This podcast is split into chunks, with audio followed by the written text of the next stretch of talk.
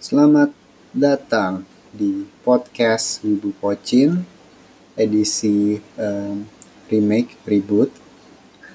Karena udah lama banget nggak bikin nggak rekaman lagi dan situasi COVID-19 ini yang membuat kita semua perlu berada di rumah membuat kita mencari segala macam aktivitas dan sebenarnya dari awal mulai um, WFH ini sih udah kepikiran buat bikin cuman rasanya ada yang kurang gitu. Kayak kalau gue pribadi sih gue berpikir bahwa kalau rekaman gue tuh butuh uh, rekan gitu lawan bicara. Karena um, saat membahas yang paling sering chapter-chapter One Piece gitu kan. Di situ gue mencoba menganalisa mencoba memberikan opini apa yang akan terjadi terus kenapa karakter A melakukan hal tersebut.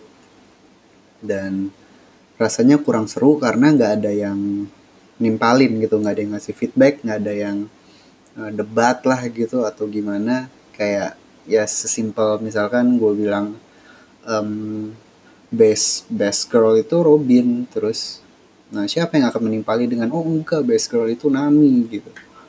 Um, hal-hal kayak gitu hal-hal simple kayak gitu yang bisa membuat saat kalian dengerin juga bakal jadi lebih seru gitu. Dan um, sejauh ini sih ya emang belum ada aja sih gue udah ngajakin beberapa teman tapi um, memang um, kurang tertarik. Jadi ya udah gue pikir ngapain lah nungguin sampai ada yang mau. Mending gue coba aja dengan uh, rekaman sendiri kayak gini. Uh, coba diimprove dulu apa yang bisa gue improve sendiri. Dan nanti kalau semoga ada partner yang mau kita bisa rekaman bareng. Dan ya semoga visi gue tentang podcast ini bisa bisa tercapai gitu. Gimana bikin yang lebih menarik lah buat didengar sama orang-orang dan ya mungkin gue bikin ini juga karena udah udah udah bosen juga cari segala macam kegiatan. Dan menurut gue ini bisa jadi alternatif yang bagus sih. Gitu. I mean kalau chapter yang bakal gue bahas nih 978 One Piece itu sebenarnya bukan yang paling wow. Maksudnya kalau dibandingkan dengan 5-6 chapter ke belakang gitu. I mean chapter-chapter sebelumnya that's the shit man. Di mana Lau Luffy dan Kid ngumpul di mana ada Jinbei. Itu gila banget man. Um, tapi ya um, ini juga masih seru chapternya dan mungkin moodnya baru kekumpul sekarang. So uh, please enjoy podcast Ibu Pocin edisi kesekian sudah lupa uh, di mana gue bakal membahas One Piece chapter 978.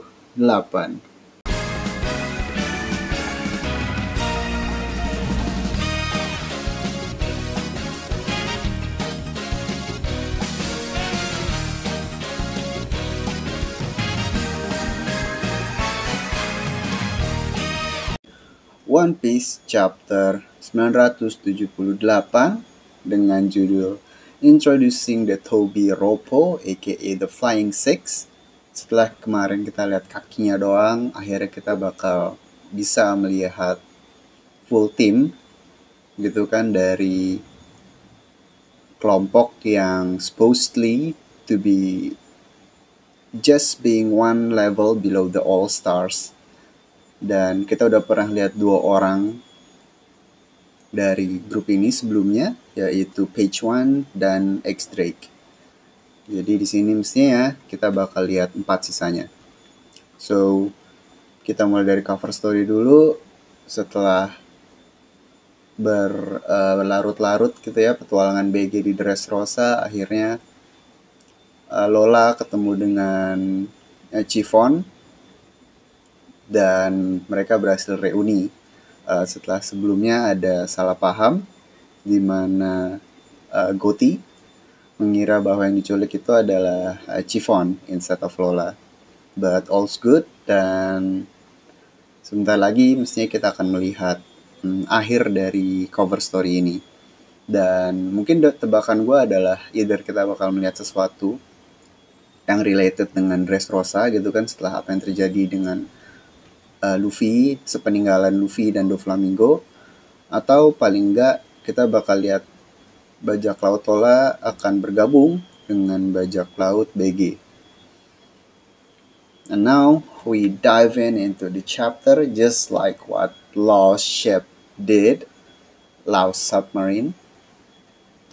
Jadi sesuai rencana Lau, timnya sudah dibelah-belah, sudah di split. Dan tim pertama adalah tim yang akan menyusup lewat bawah laut dan muncul di belakang dari Pulau Onigashima. Di mana di situ ada pintu rahasia. Timnya adalah Lau tentunya sebagai pemilik kapal yang artinya akan ada Beppo, uh, Penguin, dan Sachi dari Hearts Pirates. Kemudian ditemani oleh empat anggota dari Nine Scabbards, yaitu Okiku, Kawamatsu, Ashura Doji, dan Raizo.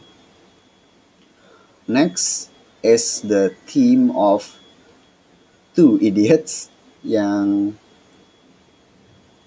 charging paling depan yaitu bajak laut topi jerami dan bajak laut kid. Di sini kita melihat um, Luffy dan Kid yang ternyata punya kebiasaan yang sama yaitu duduk di um, kapal, duduk di kepala kapal kayak gitu. Um, tentu saja sebagai dua orang yang pertama yang paling depan mereka yang pertama kali menyaksikan bahwa Onigashima is epic, you know, design is very good Oda did some crazy things again this week. The design was exquisite. I mean, kalau kemarin kan kita cuma lihat tengkorak yang gede, terus kayak that's it.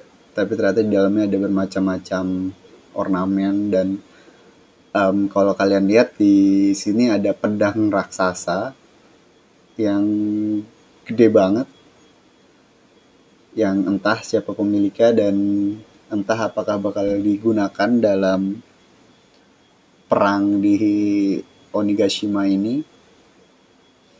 Dan entah siapa juga yang punya tapi um, bisa dibilang kalau memang tengkorak ini berasal dari uh, demon atau giant uh, race yang membangun Pulau Wano. Um, mungkin itu milik dia gitu peninggalannya dan gak ada yang bisa ngangkat. Oke okay, so next adalah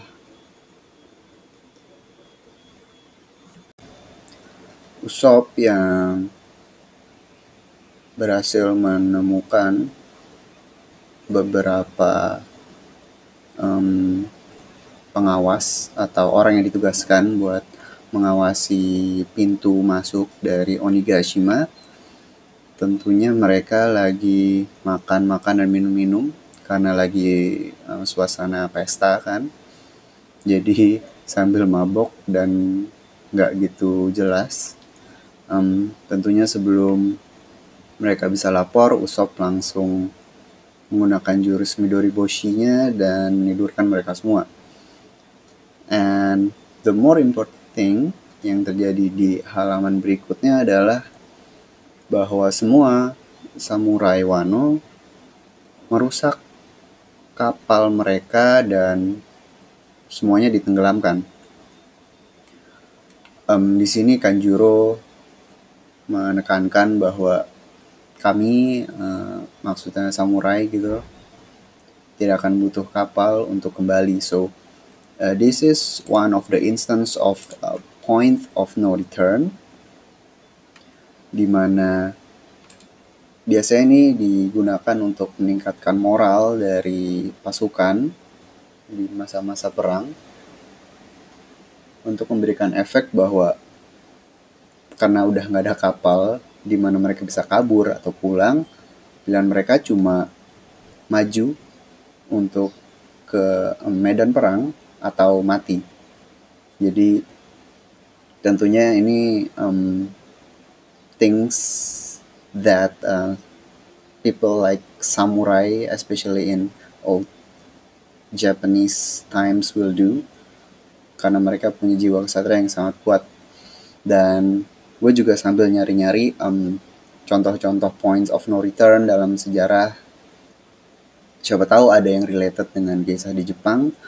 Tapi um, abis nyari-nyari di Wikipedia I cannot find much gue nggak bisa nemu satupun yang related ke Jepang tapi di sini contohnya ada banyak sih jadi kayak contohnya um, waktu pasukan um, Muslim uh, yang akan menyerang atau menyeberang ke Giblar Giblar Gibraltar. Yap, that's one. Sorry.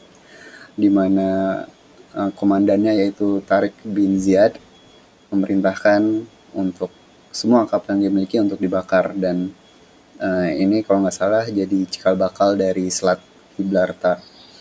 Terus ada juga waktu um, penjajahan Meksiko oleh Spanyol.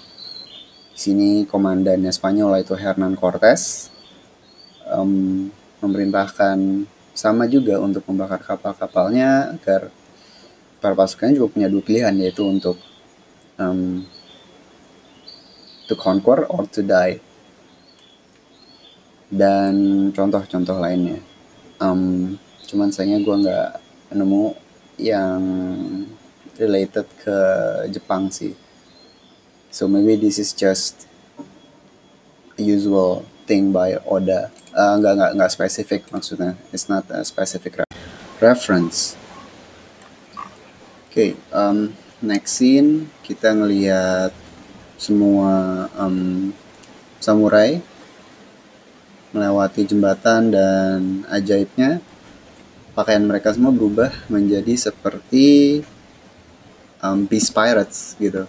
Style jadi sama semua dan ternyata ini merupakan um, salah satu teknik dari buah iblisnya Kinemon.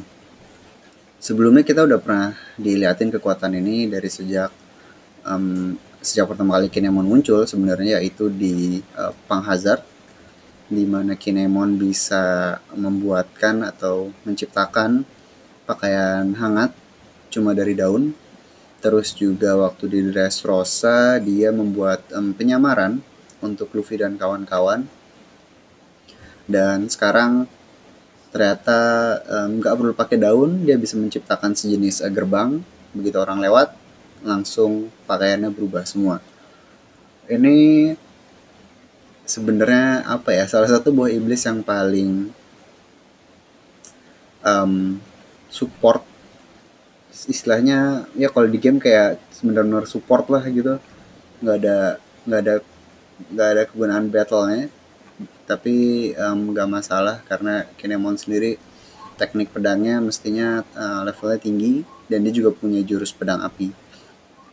Anyway di sini yang cukup menarik adalah um, bukan cuma para samurai tapi juga bajak laut kit dan tentunya teman-teman kita dari topi jerami semuanya berubah kostumnya.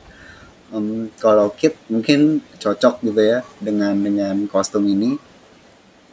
Tapi um, begitu Luffy dan kawan-kawan berubah juga jadi lumayan kocak gitu. Apalagi kita lihat sini chopper helmnya kocak banget dan Nami tentunya kostumnya menjadi sangat uh, menarik gitu kan.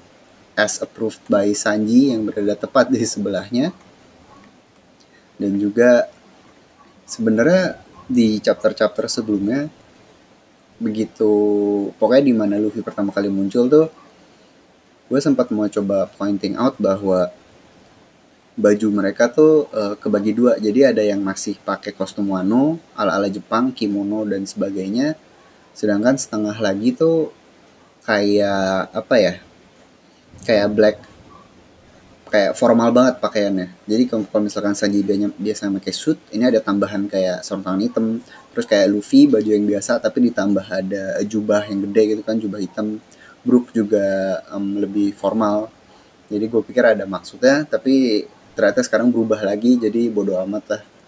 Pokoknya semuanya jadi gayanya ala-ala Kaido untuk menipu um, menipu mereka gitu. Dan ini ini tebak-tebakan gue doang sih tapi menurut gue bakal lucu kalau nanti Big Mom bakal mengira bahwa ini adalah jebakan dari Kaido. Jadi kan ada penyerangan nih terus karena bajunya baju Kaido semua nanti dikira ini sebenarnya jebakan dari Kaido untuk Big Mom. But mestinya nggak nggak nggak sesimpel itu sih. Um, anyway uh, that's all for the side of the story from our heroes. Sekarang kita ke part kedua dari chapter ini yang berisi um, ya isinya tentunya semuanya mengenai The Beast Pirates itself gitu. Dan seperti yang dijanjikan di judul chapter yaitu pengenalan dari Tobi Ropo. Scene ini dibuka dengan um, sangat menarik gitu kan. Di sini Apo uh, menjadi seorang DJ dan dia mengiringi um, seorang MC yang bisa dibilang MC favorit saya di uh, One Piece so far dan menurut gue untuk um, istilahnya apa ya Yonko Commander yes Yonko Commander I have to give my respect to this guy yaitu Queen dari Beast Pirates karena sumpah personalitinya sangat-sangat menarik dari pertama kali dia muncul. Maksudnya gue lebih ke apa ya?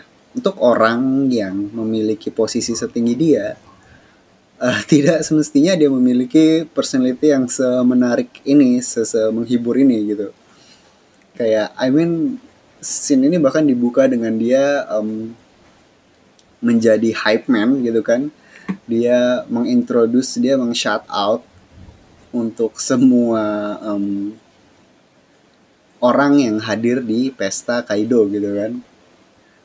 Like um, okay Onigashima funk and then stuffs like that. Kita udah lihat ini sebelumnya di um, penjara udon gitu kan di mana Queen pertama kali muncul. Tapi menurut gue ini masih sangat-sangat apa ya menghibur sih gue suka banget sama karakter Queen.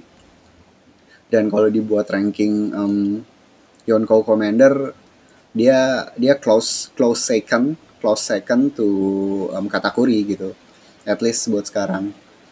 Jadi uh, ini gue senang banget karena um, cuma cuma di sini sih. Cuma di sini uh, perkenalan penjahatnya perkenalan villainnya tuh um, dibalut dengan hiburan yang sangat menarik gitu dengan MC MC Queen gitu jadi um, sambil diperkenalkan kan satu-satu dari yang paling bawah yaitu waiters, yaitu orang yang nunggu giliran dapat buah smile. Tapi dengan keadaan sekarang mestinya waiters ini bakal jadi waiters selamanya ya karena um, pasokan smile sudah dihancurkan oleh Lau. Terus setelahnya ada pleasures, orang-orang yang udah dapat kesempatan buat makan smile tapi gagal dan efek sampingnya mereka cuma bisa tertawa seumur hidupnya. Dan plus nggak bisa berenang. Selanjutnya ada gifters um, semua orang yang berhasil mendapatkan kekuatan setelah memakan smile. Dan ya ini basically semua yang kita lihat dari yang Batman lah, Gazelman dan hal-hal bodoh lainnya. Kenapa gue bilang hal-hal bodoh? Karena mayoritas dari gifters nih dapat nggak enaknya dari binatang yang mereka kekuatan binatang yang mereka dapatkan gitu pas efek sampingnya bodoh-bodoh gitu dan maka dari itu um, si ternyata di sini ada satu tier lagi di atas gifters yaitu Shinuchi yaitu uh, gifter yang bisa dibilang elit lah menurut gue ini lebih ke ini sih bahwa mereka entah mereka bisa memanfaatkan kekuatan smile dengan baik atau memang ya efek sampingnya nggak buruk gitu. Dalam artian part-part um, hewannya tuh tidak berada di tempat-tempat yang tidak menyenangkan. Kayak ya istilah paling simple yang paling simple sih ini sih. Hold'em. Hold'em yang punya kekuatan singa tapi singanya di udel dan tangannya dapat menjangkau selangkangannya dia. Jadi siap dipukul kapan pun yang kayak gitu. Nah, misalnya Shinichi ini tidak punya kekurangan tersebut. Terus um, lanjut lagi dari paling bawah makin naik makin naik Queen akhirnya memperkenalkan Tobiropo alias Flying Six. Dan tentu saja um, the Flying Six I think they're like the too cool to be here guys uh, too cool to be here gang di mana nggak um, ada yang menjawab um, shout out dari Queen satupun gitu kan tapi bodo amat Queen lanjut lagi ke numbers yang uh, di sini off screen yang artinya kita kayaknya bakal melihat numbers paling belakangan dari um, bajak laut Kaido gitu. Terus um, dan selanjutnya Queen memperkenalkan anak buahnya Orochi yaitu Oniwa Banshu. Uh, dan kita udah tahu mereka semua kan ada sekitar uh, 10 orang I think. Dan ya udah it's just like a roll call. Dan the, dan akhirnya Queen bilang oh, finally bintang-bintang um, apa ya tamu-tamu yang sudah tidak kita asing lagi yaitu anak-anak Big Mom menurut gue ini um, info yang cukup penting. Karena ini berarti semua um, pasukan yang dibutuhkan untuk perang itu sudah terkumpul di Onigashima. Baik untuk sorry hanya untuk pasukan um, Kaido dan Big Mom. Semuanya udah komplit. Walaupun seperti yang kita tahu anak buah Big Mom roster atau line up yang dia bawa ke Wano tidak sekomplit yang di Whole Cake Island. Jadi um, kalau kita perhatiin tuh sebenarnya nggak ada kata kuri nggak ada puding dan itu dua yang paling penting sih. Uh, tapi sisanya not so sure tapi yang jelas nggak begitu komplit. Commander setahu gue cuma bawa si smoothie doang. Kita nggak lihat si uh, cracker ataupun si yang kalah tuh gue lupa namanya yang peringkat keempat. Gitu. Um, itu itu perkenalan dari Queen sudah selesai dan scene berikutnya akhirnya gitu kan akhirnya kita melihat The Flying Six. Di mana ini dimulai dengan ini sebenarnya tipikal tipikal mang karakter introduction banget sih. Jadi kayak ada dialog-dialog kecil terus cuma diliatin kayak sekelibat sekelebat bagian dari tubuh mereka entah uh, mukanya doang atau mukanya sebagian ada yang diliatin rokoknya doang lah. Dan di sini mungkin kita perlu fokus dulu ke uh, dialog dari mereka. Bahwa di sini si orang pertama seperti cewek dia punya tanduk dan dia kayaknya kesel banget sama Queen. Karena uh, dikatain gitu kan sama Queen dan dia kayaknya cukup berani walaupun Queen supposedly to be stronger than her. Dan um, selanjutnya yang lebih aneh lagi adalah another flying six tiba-tiba kayak eh kalau Queen mati um, penggantinya siapa ya? Dan tiba-tiba mereka mendapatkan hal seperti itu. Dan hal yang cukup menarik di sini adalah uh, bahwa One di lumayan dibully di grup Flying Six karena dia pertama dibully sama si cewek dan sekarang dia dibully lagi sama si orang bertopi ini but anyway langsung aja ke namanya satu-satu. This is the Flying Six from Beast Pirates. Yang pertama ada Ulti, seorang wanita yang menggunakan uh, masker dan memiliki tanduk.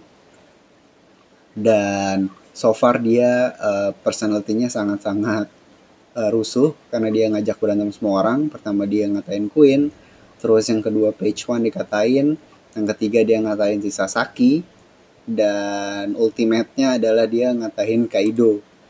Sampai yang lain pada takut. Um, anyway ulti ini uh, dia cewek pakai masker punya tanduk dan seperti um, tradisi yang diteruskan oleh Oda mengenai tema dari nama-nama anggota bajak laut Beast Pirates ulti ini juga merupakan nama dari permainan kartu kartu remi kalau ulti sendiri adalah permainan kartu dari Hungaria, namanya ulti. ini bahkan dari page Wikipedia-nya pun udah di state bahwa it is virtually unknown outside its home borders. Jadi emang perlu googling dulu untuk tahu bahwa ini ulti beneran permainan kartu atau bukan gitu. Dan ternyata benar ini dari um, ada dan ternyata dari Hungaria. Um, kru kedua yaitu page one yang udah kita lihat sebelumnya, kita udah lihat kekuatannya, kita udah lihat dia berantem, tapi yang belum kita lihat adalah uh, personality dan fashion dia saat berkumpul dengan Flying Six yang lain. Di sini gak tahu deh menurut gue apa ya entah fashionable atau menurut gue bisa dibilang Pachman nih apa hip hop gayanya atau wibu? Soalnya topinya kan kayak topi anak indie. You, you know that one. Tahu kan topi yang model gitu? Terus dia pakai masker um, pakai tracksuit pula dan duduknya bersila. Kayak apa ya? Pakai sarung tangan pula gitu kan beda banget waktu dia pertama kali muncul dan lawan Sanji gitu kan topless and kayak sangar. Di sini dia malah kayak sedikit pemalu dan dia yang paling dibully gitu sama Flying Six yang lain. Jadi mungkin uh, nggak salah kalau mungkin kalau kita kira Page One nih yang terlemah dari mereka berenam.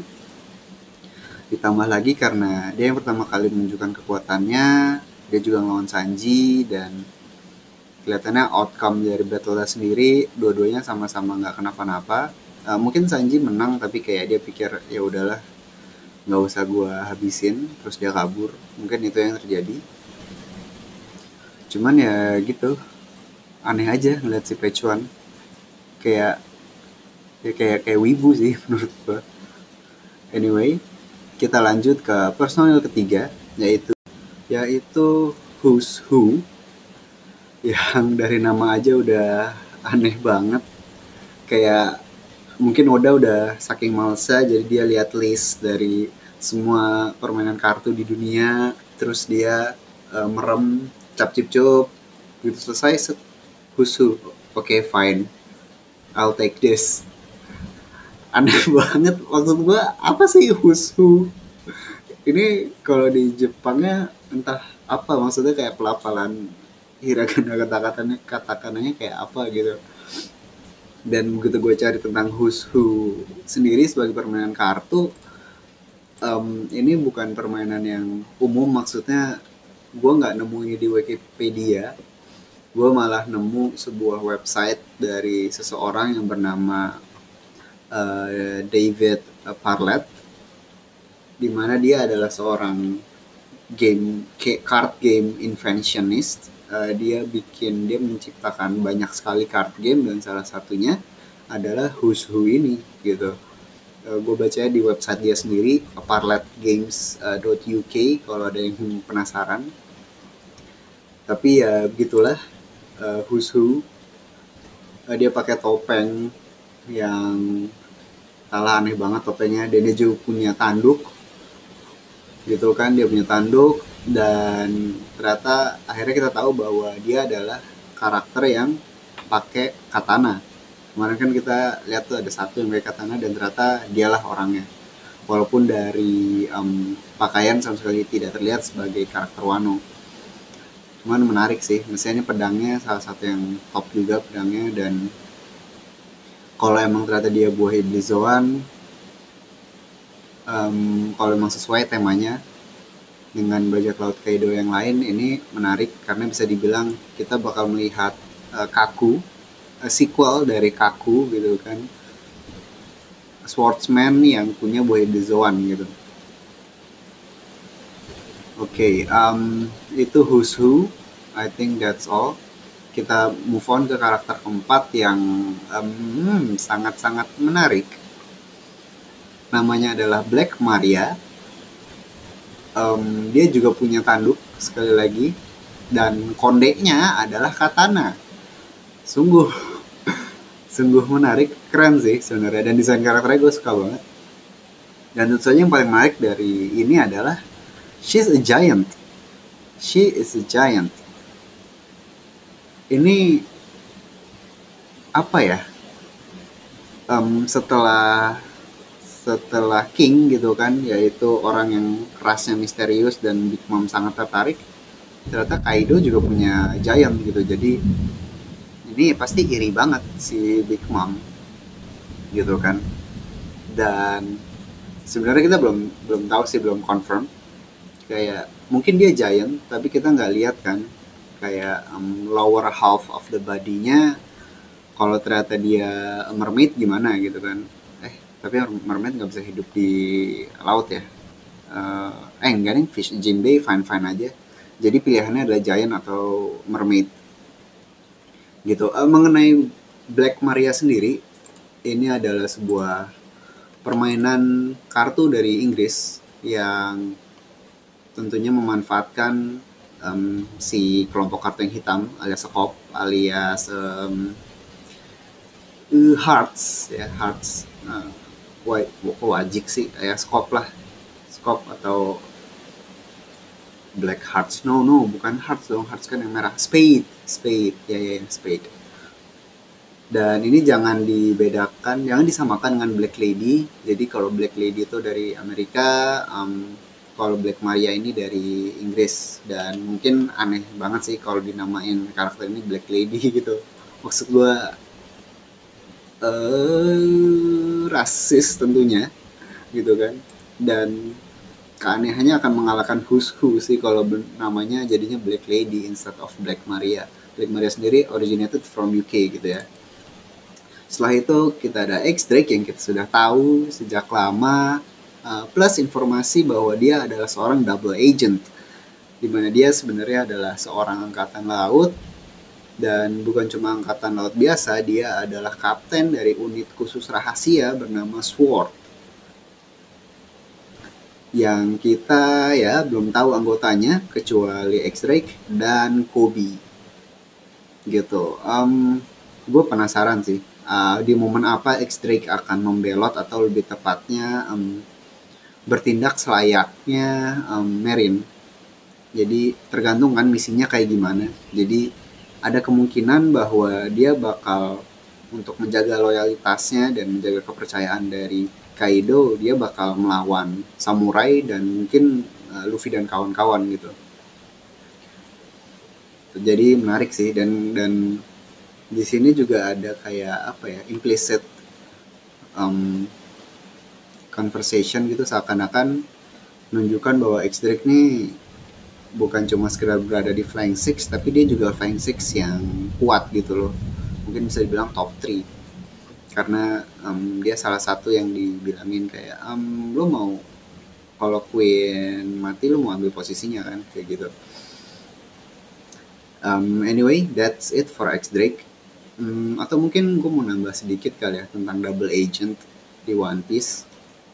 Jadi so far kalau kalau di Wano ada X-Drake dan satu lagi itu uh, Kanjuro tentunya dengan plot twist yang gila banget beberapa chapter kemarin akhirnya kita tahu kan pengkhianatnya siapa. Terus um, itu dua. Kalau mundur lagi berarti ada Vergo dan Corazon kalau mau dibahas itu mungkin nanti lagi sih kayak the best double agent in One Piece. I mean sekarang udah ada empat gitu, jadi mungkin kita bisa bikin uh, chartnya gitu kan, memutuskan siapa yang terbaik. Personal sih gue Corazon ya, kayak keren banget sih um, Rosinante. Dan kalau dibahas terlalu lama nanti lama-lama nama Uchiha Itachi akan muncul sebagai double agent legendaris so uh, eh, gue sudahi di situ karena kita masih ada satu personil lagi dari Flying Six yaitu Sasaki.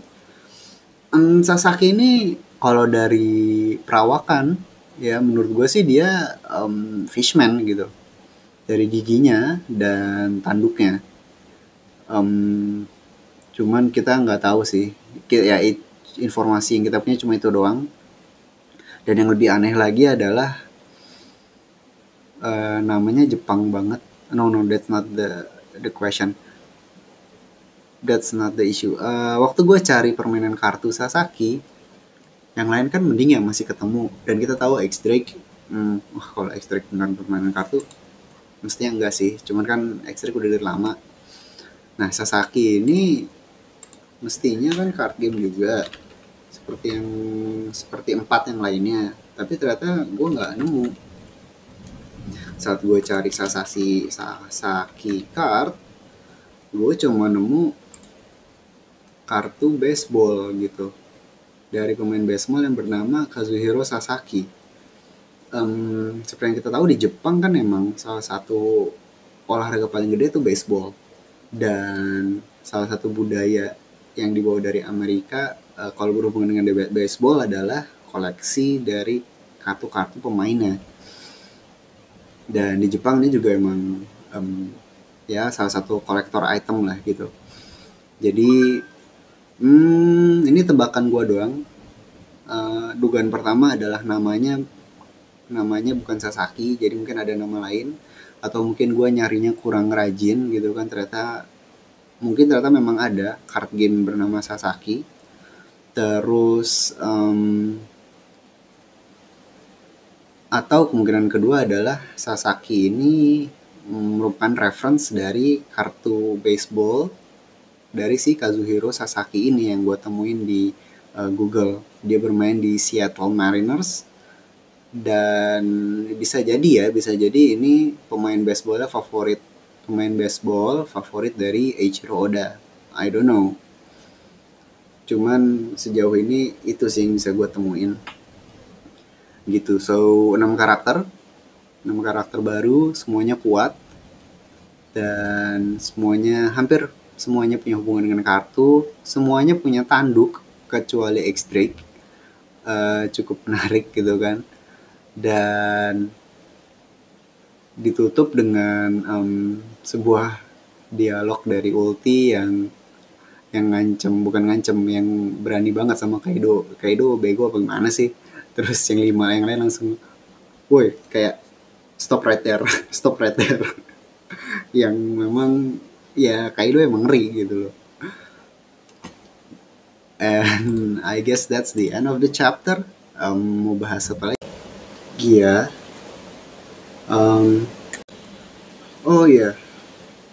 untuk minggu depan uh, One Piece dan sebenarnya semua jump semua shonen jump akan break lagi kalau minggu kemarin karena situasi uh, COVID-19 yang sudah diumumkan juga kan lewat laman resminya bahwa ada satu karyawan yang terduga um, kena gitu kan. Akhirnya kantornya bisa dikosongin disterilin dan akhirnya diliburin. Makanya kemarin nggak ada shonen jam tapi kalau minggu depan itu akan libur karena memang sedang periode Golden Week di Jepang gitu kan. Golden Week dua tahun sekali kalau nggak salah. Dan ya salah satunya minggu depan. Jadi um, lagi-lagi kita perlu bersabar dua minggu untuk nungguin One Piece chapter berikutnya. Dan ya uh, semoga lah setelah setelah break uh, Golden Week nggak ada yang aneh-aneh lagi. Jadi kita bisa lanjutin baca One Piece dan serial-serial lainnya. Chapter 979 sendiri masih banyak sih yang perlu di reveal kayak Kanjuro kapan dia nyampe ke Onigashima.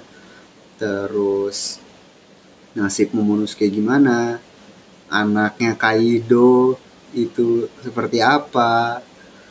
Terus juga kita belum lihat Big Mom dan line up komplit dari anak-anaknya yang dia bawa ke Wano.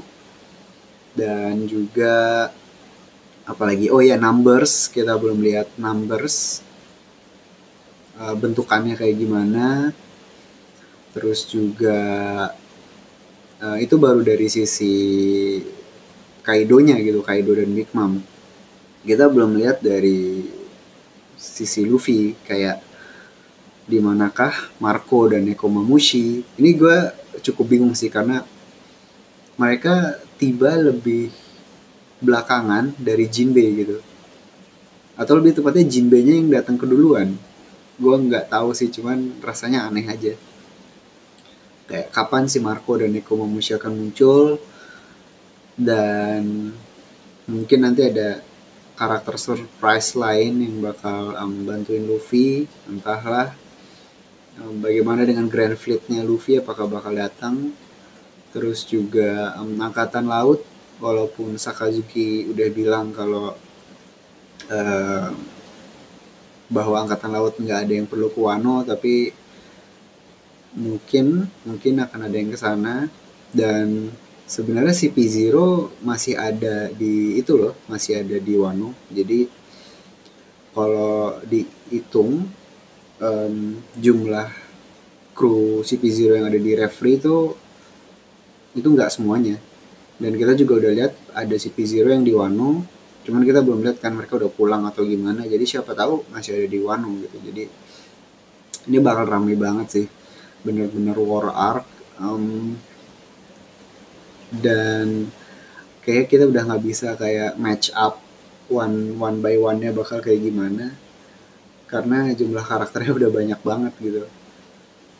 Kayak udah nggak simple yang uh, Kaido misalkan kan satu dua tiga lawan Zoro, Sanji sama Jinbei terus Luffy lawan Kaido. Luffy lawan Kaido menurut gue cuma satu-satunya yang terjamin sih. Tapi match up yang lain gue benar-benar misteri. Karena masih ada Kid, masih ada Lau dan karakter-karakter kuat lain gitu. Jadi harus dilihat dari sekalian lebih besar. Oh apalagi samurai-samurai dari Wano gitu kan. Vesselnya Oden um,